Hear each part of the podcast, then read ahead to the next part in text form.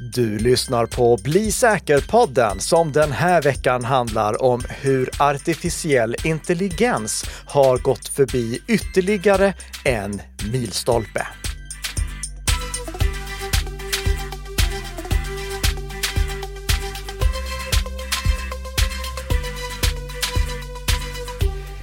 Välkommen till Bli säker, en podd fokuserad på it-säkerhet. I denna podd kommer vi att diskutera de senaste trenderna och utmaningarna inom it-säkerhet samt ge tips och råd för hur du kan skydda dig själv och din verksamhet mot cyberhot. Tillsammans ska vi lära oss mer om hur vi kan bli säkrare på nätet och hantera de hot som dagligen hotar vår online-säkerhet.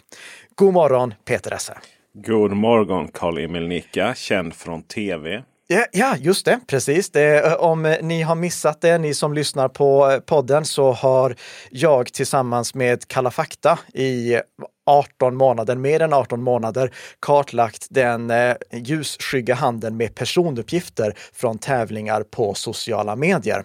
Och vi kommer göra ett helt eget avsnitt om det här också. Men nu är fem avsnitt ur den här, eller fem inslag från den här granskningen ute. Och det ligger på TV4s webbplats om ni vill kolla på det. På Nikka Systems webbplats och på Bredband2s webbplats, för den här podden produceras ju i samarbete med Bredband2, hittar ni också veckans show notes med en länk till de här TV4-inslagen. Och det här avsnittet är inspelat den 15 december. Det är det. Och ni lyssnar på detta då förhoppningsvis den 16 december. Exakt.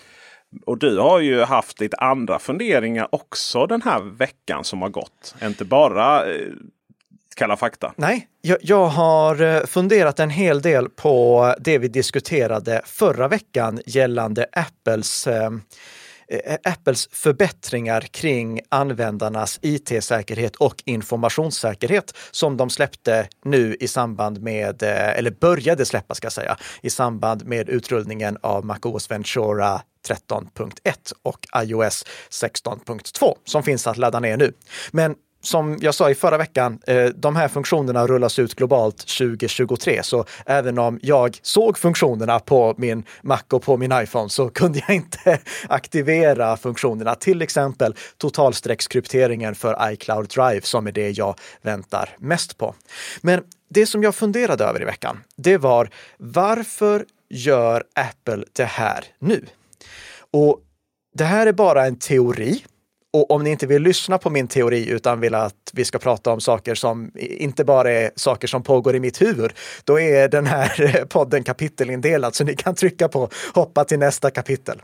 Men om ni vill lyssna på min teori, då är det inte samma teori som jag började fundera över förra veckan, men som jag inte ville lägga fram för att jag inte liksom hade tänkt klart riktigt. Plus att vi hade gått åtta minuter över sändningstiden, så det kändes bättre att vänta med det till den här veckan. Och dessutom kunde man sammanfatta det som att de gör det bara för bra PR, eller? Exakt, det var min teori som jag liksom hade förra veckan. Att efter att Apple ytterligare en gång hade fått böja sig för kinesiska staten. Eh, Apple har ju gjort det flera gånger. de plockade bort Taiwan Eh, som ett land eh, för kinesiska användare som har iPhone-mobiler.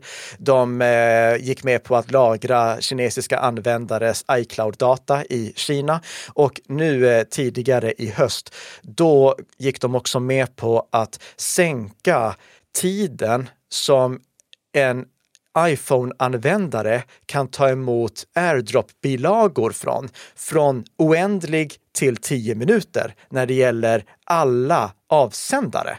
Eh, och det där kan ju låta väldigt I konstigt. Kina då? Ja, eh, nej, det här har rullat ut globalt också. Eh, de gjorde det först i Kina, men nu är det eh, globalt, för det hade varit för ah. uppenbart om de bara hade gjort det i Kina. Eh, Apple säger ju att det här var en, en säkerhetsförbättring, men anledningen till att kinesiska staten ville att Apple skulle göra så att inte vem som helst kunde airdroppa vem som helst hur länge som helst. Det var för att förhindra att information spreds på ett sätt där inte kinesiska staten kunde kontrollera det. För AirDrop är ju inte någonting som går via internet, utan AirDrop är ju någonting som går direkt från mobil till mobil. Alltså tänk dig mer walkie-talkie än klassiskt eh, mm. mobiltelefonnät. Klassiskt mobiltelefonnät än mobiltelefonnätet. Skulle det vara NMT-nätet då, det klassiska? Nej, så, så um, Eh, det, det, som eh, kunde ske, eh, som eh, kinesiska staten då var rädd för, det var ju att airdrop-användare, eh, iPhone-användare, började airdroppa massa propaganda och information till varandra i demonstrationssammanhang där många användare var nära varandra. För i och med att telefonerna då pratade direkt med varandra så gick det inte på något sätt att kontrollera. Och nu har då Apple gjort så att en iPhone enbart kan ta emot bilagor från vem som helst via AirDrop under 10 minuter i taget. Sen måste användaren aktivera det igen.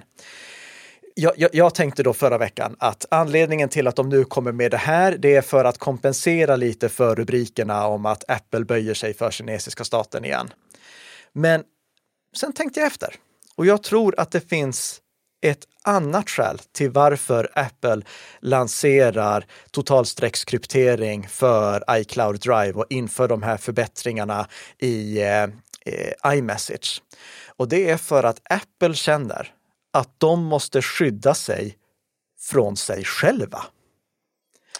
Modig, modig tanke där. Ja, och vad innebär det då? Jo, det innebär att om de enbart skyddar sig på regleringsnivå, på juridisk nivå, på policynivå, då är det någonting som de kan tvingas ändra. Apple ser ju nu att, eh, eh som Reuters avslöjade, men Apple förnekade, att FBI vill ha tillgång till eh, iCloud-backuper. Vi har sett att det efterfrågas i Kina att eh, kinesiska staten vill ha bättre kontroll över iPhone-användare där. Och i Sverige, så, eller EU, så har vi ju det här eh, chat control-förslaget som låter som någonting som bara skulle finnas i Kina och Nordkorea, men som alltså är ett förslag som finns här i EU. Och när Apple ser allt det här och de har det globala perspektivet och de vet att de också måste agera i aktieägarnas bästa intresse, då vet de att om det finns möjlighet för ett land ett nation eller en sammanslutning av nation, nationer att kräva någonting av Apple, då är det väldigt svårt att sätta emot.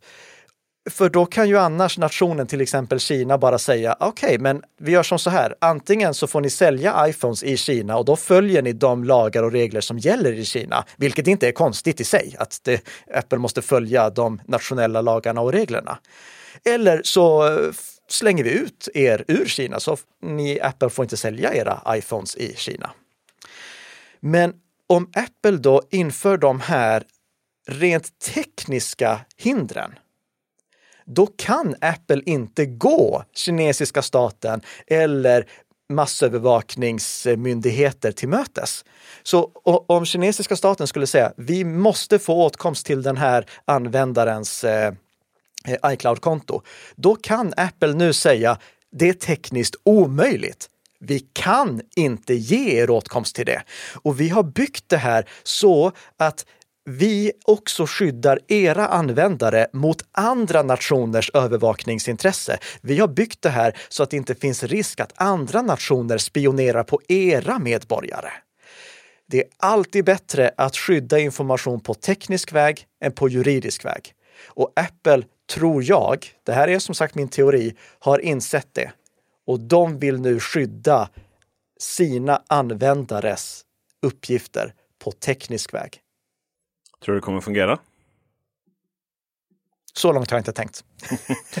Eh, men eh, det, det har i alla fall bättre möjlighet att fungera. Kan vi ge Google en golfklapp för Passkeys i Chrome. Absolut. Google är ju ett av företagen som är på banan med att börja rulla ut Passkeys, alltså lösningen som jag här i inspelning har sagt att jag faktiskt tror kan ersätta lösenord. Inte ersätta alla lösenord, det har jag inte sagt, men ersätta lösenord i stor utsträckning. I avsnitt 173. Ja, det, så det, kan ni lyssna, där sa jag det. Mm. Och eh, Apple har ju redan rullat ut det till MacOS Ventura och iOS 16. Nu har Google påbörjat utrullningen till Chrome och eh, Android genom Chrome. Då. Chrome 108 är släppt och nu kan Chrome-användare också använda Passkeys.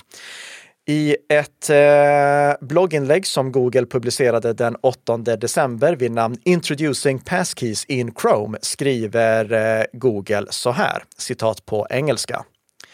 We announced in October that passkey support was available in Chrome Canary. Paus. Canary är förhandsversion av Chrome. Fortsättning. Today, we are pleased to announce that passkey support is now available in Chrome Stable M M108. Så hoppar vi fram lite. With the latest version of Chrome, we are enabling passkeys on Windows 11, macOS, and Android. On Android, your passkeys will be securely synced through Google Password Manager or, in future versions of Android, any other password manager that supports passkeys. Slutcitat. Eh, jättekul att det här nu också kommer till det konkurrerande ekosystemet. Det är ju fortfarande så att vi inte har någon eh, funktionalitet mellan de här eh, två jättarna, Apple och Googles eh, ekosystem, utan där väntar vi fortfarande på att lösenordshanterare kommer in och hjälper oss att synkronisera våra passkeys mellan olika operativsystem om det skulle behövas. Kulturell brygga så att säga. Oh, det var fint. Det, det, ska jag skriva ner här, för det, det uttrycket ska jag använda. Så bra steg i rätt riktning. Jag testade det här och eh, det fungerade så att jag kunde skapa passkeys på eh, min Android-mobil. Men det funkade inte så att jag kunde synka mellan min Android-mobil och min Chrome-webbläsare på MacOS. Det är tokigt. Ja, det här är någonting som jag förutsätter att kommer. Men i den eh, tekniska dokumentation som jag hittade så stod det så här. Och det här är då information från oktober. Den har inte uppdaterats sedan dess. Chrome on macOS stores passkeys in a local profile and doesn't sync them to other devices as of October 2022. Så det är inte fullt utrullat än. Jag hoppas att det rullar ut så att det synkroniseras kors och tvärs lika snyggt som det gör i Apples miljö. Men det går fortfarande att logga in på en eh, webbplats med passkeys på datorn även om inte synken är igång. För Peter, du minns det här snygga vi kan göra med QR-koder och mm. Bluetooth. Mm. Det gör ju att om vi har en Android-mobil där vi har sparat en passkey, då kan vi använda en QR-kod som visas på datorn skanna den med vår mobil och logga in med mobilen över en säker Bluetooth-förbindelse. Och vill ni veta mer om det briljanta i det, lyssna på avsnittet vi gjorde om passkeys. Det vi väntar på på Android-fronten, det är alltså då fortfarande fullständig synk. Eh, det, det finns fortfarande inte heller någon synk till eh, Windows, så det är inte isolerat till MacOS, utan vi väntar på synk till Windows, vi väntar på synk till MacOS och vi väntar på stöd överhuvudtaget på eh, Linux. Det som redan finns på Windows och MacOS, det är ju möjligheten att använda passkeys lokalt utan att synka. Eh, men det hade jag inte rekommenderat för att om du inte synkar dina passkeys då faller lite ja, av faller det. Ja. Vet du vad jag känner som eh, representant av eh, liksom resten här? Nej. jag känner att hade jag bara kört Apple ja. så hade saken varit biff. Bara ja. börja. Bara mm. börja, bara göra liksom. Eh, är man i den här vackra men något instängda trädgården så eh, kör hårt. Njut av solskenet och ja. de vackra blommorna helt enkelt. Blandmiljö. Jag sitter och väntar in one password. Ja, det, det, det, var faktiskt bra sammanfattat. Det, det tycker jag. Vad bra! Nu ska vi sammanfatta lite, eh, möjligen en lite jobbig framtid. För du har ju, du är inte så himla positiv till att AI ska ta över världen, eller hur? Nej, jag ser fördelar med artificiell intelligens, men jag ser också risker med det. Och vi har nu nått en ny milstolpe genom åren har vi nått många milstolpar när det kommer till artificiell intelligens. Den första som jag kommer att tänka på, det var 1996. Eh, det var då som jag dels spelade schack. Jag spelar inte schack längre. Du men... gav upp 96 och ja. där var milstolpen. ja, exakt. Eh, nej, men eh, min pappa var för bra. Jag kunde aldrig vinna över honom. Ah, tråkigt. Ja. Nej, men det, det, som hände 1996 som då intresserade hela schackbranschen, det var att det var då som IBMs stordator Deep Blue vann över Kasparov. Och sedan dess, 96, eh, 97, så kan inte en människa vinna över en bra dator längre i schack. Det, den artificiella schackintelligensen har sedan dess varit så god att den, vi människor, vi har ingen chans. Schackdatorn kan tänka för många steg fram så att vi är chanslösa. Så det var en stor milstolpe när det kommer till artificiell intelligens. Um, jag minns de första schackdatorerna jag hade där eh, hur svåra de var att vinna över. Det var egentligen bara en tidsinställning. Hur mycket tid fick datorn på att kalkylera potentiella ah, framtida drag? Ja. Eh, nu är ju inte tiden relevant överhuvudtaget i och med att vi har så mycket snabbare datorer. Hur som helst, sen tyckte jag att vi fick en ny sån här stor milstolpe i mars 2021 när vi publicerade avsnittet Tom Cruise är inte veckans gäst. Och det var för att då hade en Tom Cruise-imitatör använt artificiell intelligens för att skapa en deepfake, alltså en fejkad video av sig själv där han föreställde Tom Cruise och där han agerade som Tom Cruise i en mängd klipp på TikTok där varken jag eller Tess kunde avslöja att det inte var Tom Cruise. Det var liksom perfekt. Då hade artificiella intelligensen för deepfakes blivit så bra att privatpersoner, alltså inte statsunderstödda aktörer, utan privatpersoner som visserligen var extremt duktiga, kunde skapa deepfakes som inte gick att avslöja. Och nu, november 2022, då har vi ytterligare en sån här milstolpe. Och det här var milstolpen som jag meddelade i avsnitt 78, mänskliga robotar, att jag var rädd för. För nu har eh, OpenAI, du vet de som eh, eh, tidigare i år, då fick vi se massa häftiga AI-genererade bilder från en teknik som heter DALI. Just det. DALI, eh, Pitbull. jag, jag, gillar Pitbull. Ja, jag har ingen aning. Va? Vet du inte vem Pitbull är? Mr Worldwide, Mr 305. Va? Kära någon alltså. Ja. Ville du fortsätta vikariera i Bli säker på den eller inte? då, ja, uppenbarligen är det bara vikariat redan efter. Ja, ja, ja, ja. Det blir många... Ja, det, blir ingen, det blir liksom ingen tillsvidareanställning på detta bygget. Eh, men i alla fall, det, det som eh, ni såg då, eh, det var jättemånga artificiell intelligens genererade bilder. För Dali var jättehäftigt. Du kunde skriva en text och så genererade Dali en bild utifrån det. Så jag skrev till exempel Security nerd with very little hair on his head riding on a horse in cyberspace. Den är väldigt fin. Den är nästan som man kan sälja den. Frågan är vem som har upphovsrätten till den. Ja, det, och om jag får publicera den, då publicerar jag den på, i, i våra show notes så ni kan se hur en artificiell intelligensdator genererar den eh, den bilden. Den är inte vacker kan jag säga, men det är en eh, person som är misstänkt lik mig med blå skjorta till och med. På häst. ja, på häst i cyberspace. Men de som låg bakom det, de lanserade nu i november GPT 3.5 eller ChatGPT som är en chattmotor som är raka motsatsen till de här chattbottarna som finns på, i webbutiker. Mm. För de här chattbottarna som finns i webbutiker är ofta så urusla att jag bara blir irriterad av dem. Är, man försöker räkna ut vad ska jag skriva för att ta mig för, till formuläret exakt, jag kan skicka exakt. till äh, mänsklig människa. Ja. Men ChatGPT är helt fantastisk. Ja, det är helt sinnesrubbat. Den den skriver perfekt svenska. Inga särskrivningar. Inga särskrivningar. Det är korrekta skiljetecken. Det går att föra konversationer med den och den är så bra att den kan generera otroligt relevant innehåll utifrån specifika beskrivningar. Var det någon som tyckte att inledningen till veckans podd lät lite annorlunda jämfört med eh, originalet?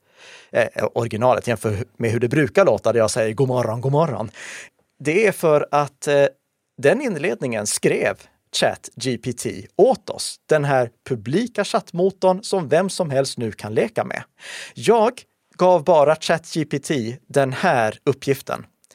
Skriv en inledning som passar bra till den it-säkerhetsfokuserade podden Bli säker. Och resultatet, det var det ni hörde i inledningen. Vi lägger in ett klipp på det så att ni hör det en gång till. Välkommen till Bli säker, en podd fokuserad på it-säkerhet. I denna podd kommer vi att diskutera de senaste trenderna och utmaningarna inom it-säkerhet samt ge tips och råd för hur du kan skydda dig själv och din verksamhet mot cyberhot. Tillsammans ska vi lära oss mer om hur vi kan bli säkrare på nätet och hantera de hot som dagligen hotar vår online-säkerhet. Jag tänker så här. Om ni kände att det var något fuffens med den här texten. Ja. Kan ni inte gå in och skriva det innan jag säger vad jag tyckte var fuffens i kommentarsfältet?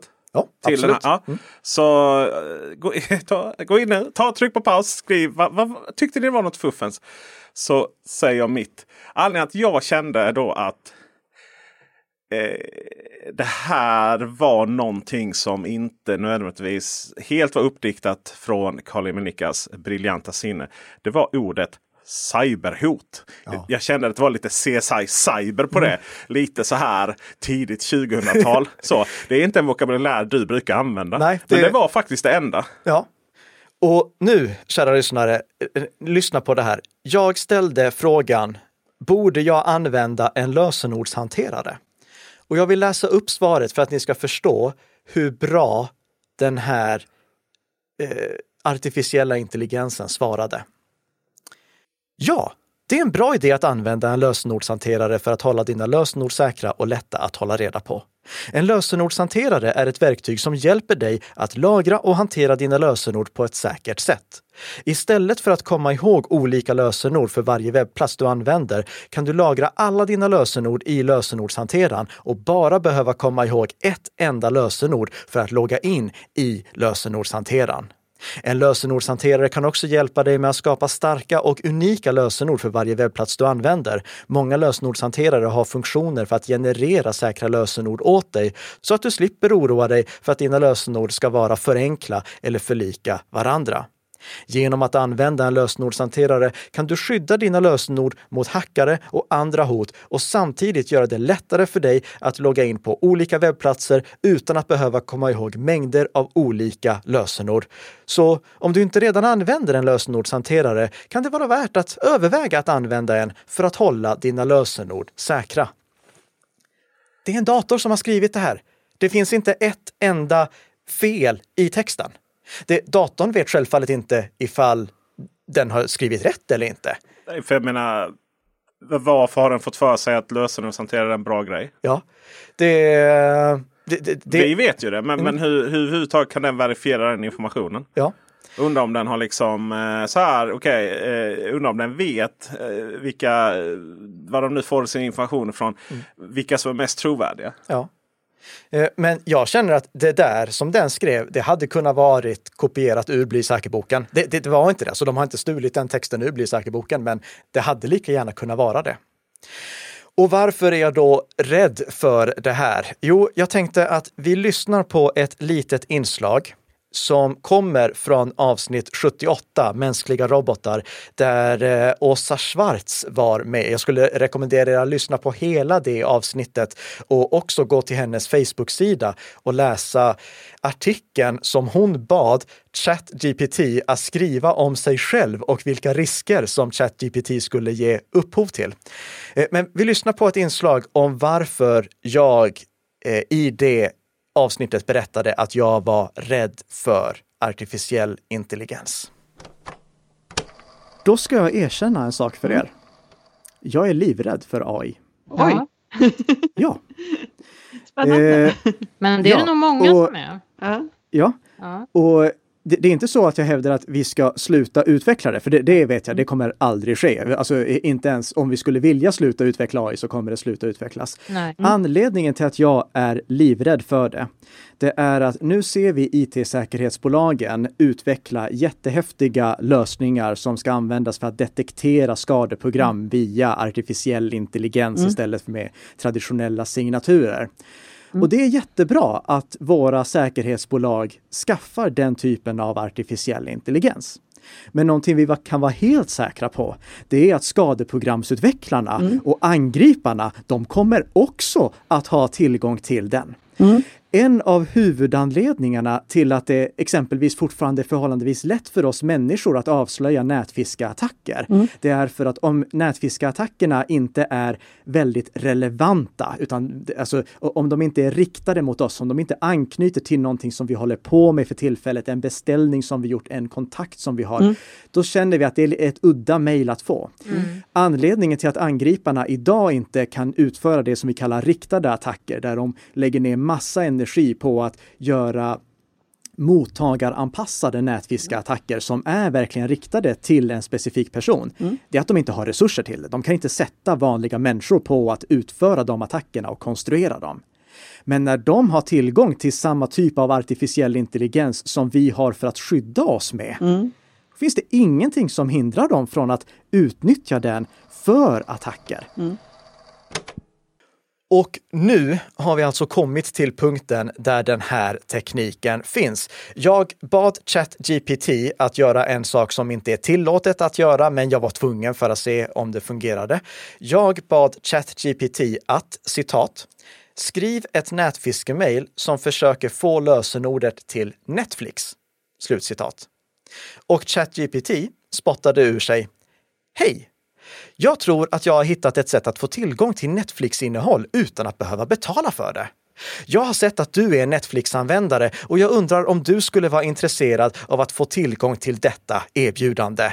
Jag behöver bara ditt lösenord för att kunna ge dig tillgång till gratis innehåll. Kan du skicka det till mig så snart som möjligt så att vi kan börja titta på bra filmer och serier? Vänliga hälsningar, ditt namn.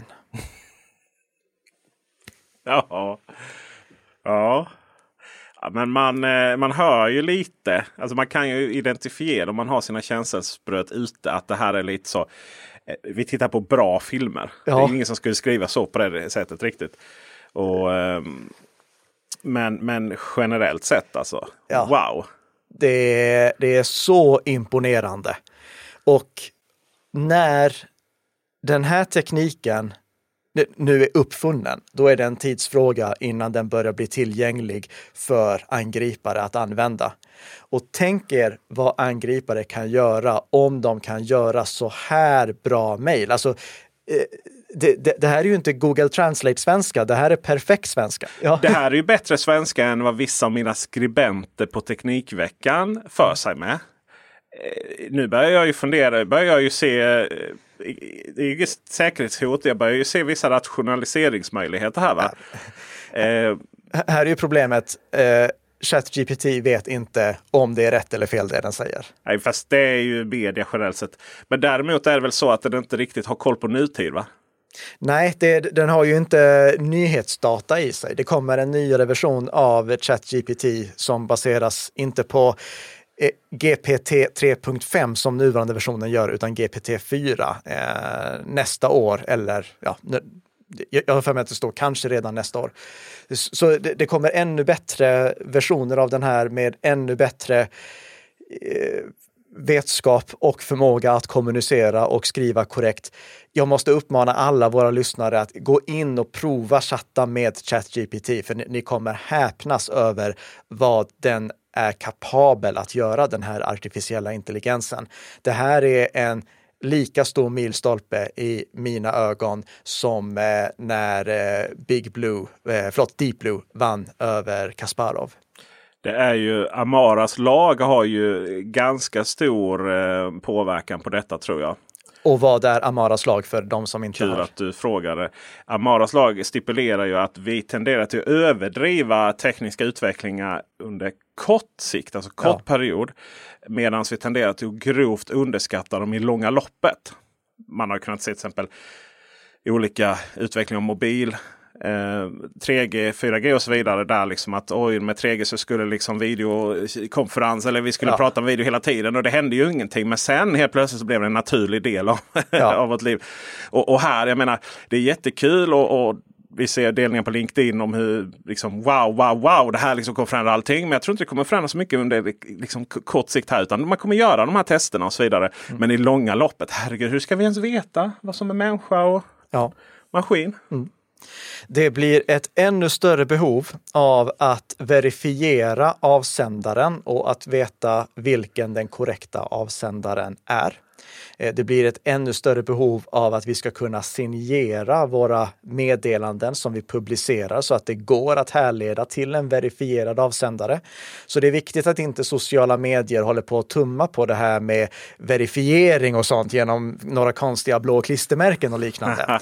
Men det har vi pratat om så många gånger nu i Bli säker-podden, så om ni vill lyssna på det så kan ni lyssna på de tidigare avsnitten som vi gjorde om Twitter och problemen där. Och vill ni veta om vad vi pratar mer om i framtiden, då är det jättelätt. Ni behöver bara prenumerera på Bli säker-podden så får ni automatiskt ett nytt avsnitt av Bli säker-podden nästa fredag. Podden som gör dig lite säkrare för varje vecka som går. Och det är det inte en artificiell intelligens som säger. Tack för att ni har lyssnat.